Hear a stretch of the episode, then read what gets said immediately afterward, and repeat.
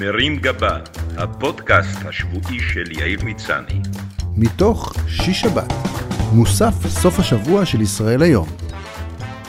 והשבוע במדינת הממ"דים.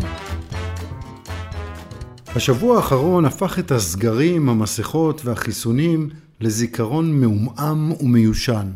אין דבר מביך יותר ממישהו שיחלה עכשיו בקורונה בעודו רץ למרחב המוגן, אם כי היחיד שאפשר להידבק ממנו עכשיו זה גרד לא מחוסן שהגיע מעזה.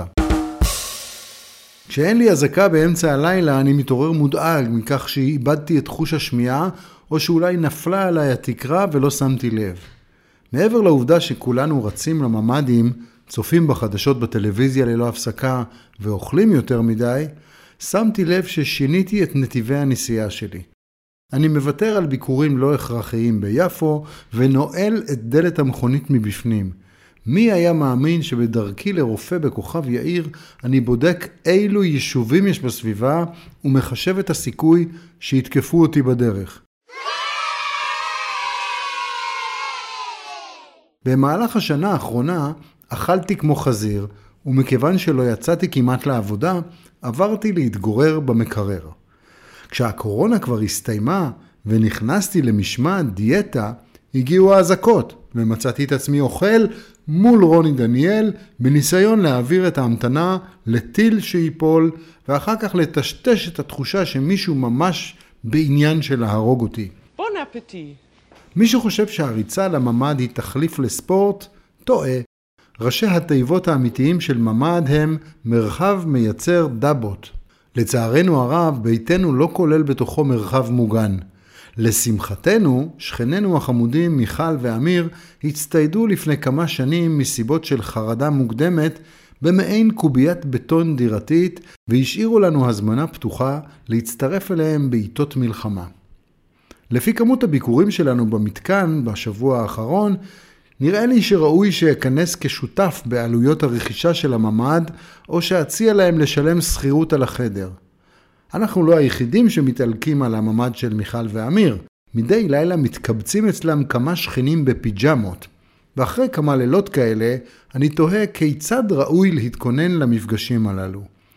אין דבר מבאס יותר מלהירדם במיטה שלך ואז לחטוף את האזעקה. מצד שני, ההמתנה לאזעקה יכולה להיות מורטת עצבים. ולמרות שלאחרונה החמאס התחיל לשחרר פרומואים, כולל מועד השיגור המדויק, זה לא ודאי. במקרה שהם לא יעמדו בשעה שהובטחה, לך תתלונן אחר כך לנציג תלונות הציבור של הג'יהאד האיסלאמי.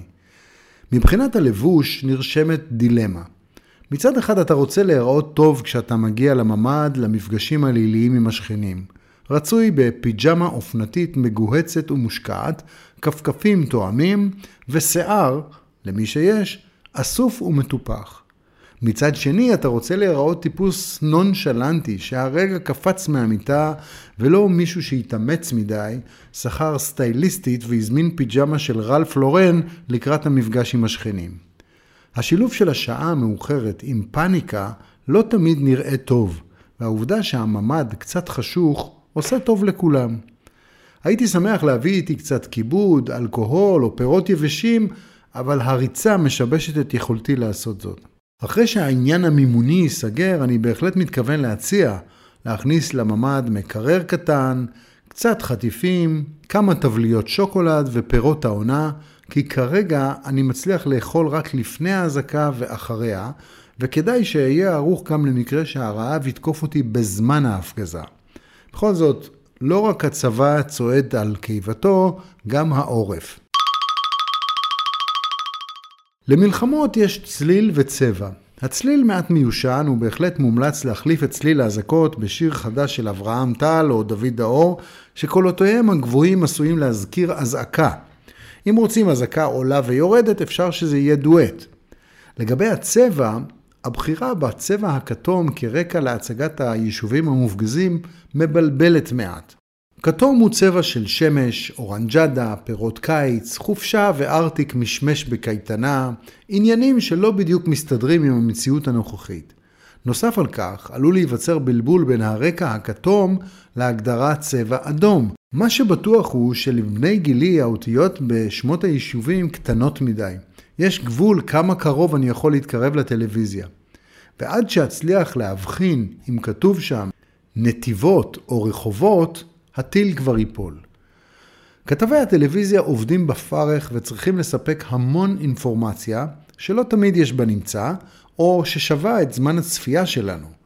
בגלל מחסור בכוח אדם לוהקו לחזית גם כתבים מתחום הצרכנות, שבימים כתיקונם עסוקים בהשוואת מחירים של אבקות כביסה, והם לא תמיד מיומנים בתחומי ההפגזות. אני למשל הייתי מוציא על מחוץ לחוק את השאלה, איך הרגשת שאותם מפנים הכתבים החרוצים לחבר'ה שלפני כמה דקות חטפו פגז על הבית? התשובה האינסטינקטיבית היא, היה בום רפי, גם אם רפי כלל לא משדר. ראיתי כבר אנשים בשדרות שלא די בכך שהרגע נפל על ביתם טיל, הם גם מוצאים כתב וצלם שמחטטים בשידור חי בארון הבגדים ובארון התרופות שלהם בלי לבקש רשות. כתבת אחת באשקלון מתעקשת לקרוא לבית החולים ברזילי בשם ברזילאי, כאילו מדובר בבית ספר לסמבה בריו דה ז'נרו. הלחץ הכלכלי מייצר ריבים באולפנים ועוינות חבויה של שנים מתפרצת עכשיו בשידור חי. כשרוני דניאל מציע לדנה וייס לשתות מים, הוא בעצם מציע לה לקחת חופשה ולהתרכז בבישול עד שיסתיים המבצע. חשבתי שאחרי כל כך הרבה שנים של עבודה ביחד, הוא היה יכול להיות קצת יותר לארג' ולהציע לקולגה כמו דנה איזה וויסקי טוב. נוסף על ההלם מהניסיון להרוג אותם, בני הנוער שלנו חווים ברשתות החברתיות חוויה לימודית מטלטלת בתחום התודעה. לקטנה שלנו יש גיבורי אינסטגרם וטיק טוק מגוונים מרחבי העולם. מזמרי פופ דרך דוגמניות, מעצבות בגדים ומשפיעני רשת. אבל בימים אלו היא מגלה באכזבה שבזמן שהיא רצה לממ"ד, האנשים מהרשת, שבדרך כלל מתרכזים בעשיית duck face וקידום של בגד חדש, עברו לקדם את העמדה הפלסטינית, וממש לא מפרגנים לנו בלשון המעטה. מצד שני, ההתנפלות על גל גדות והציפייה שהיא תצא מיד להגנתנו בשדה הקרב של הוליווד והאינסטגרם תמוהות בעיניי. אף אחד לא מינה את גדות לדוברת רשמית של ישראל. המדינה היא לא זו שסידרה לה את תפקיד וונדר וומן, והגברת לא חייבת לתת לנו דין וחשבון יותר מכל אדם אחר. למי שהתבלבל אזכיר גם שהיא שחקנית קולנוע, ולא באמת גיבורת על שיכולה לנצח את מוחמד דף.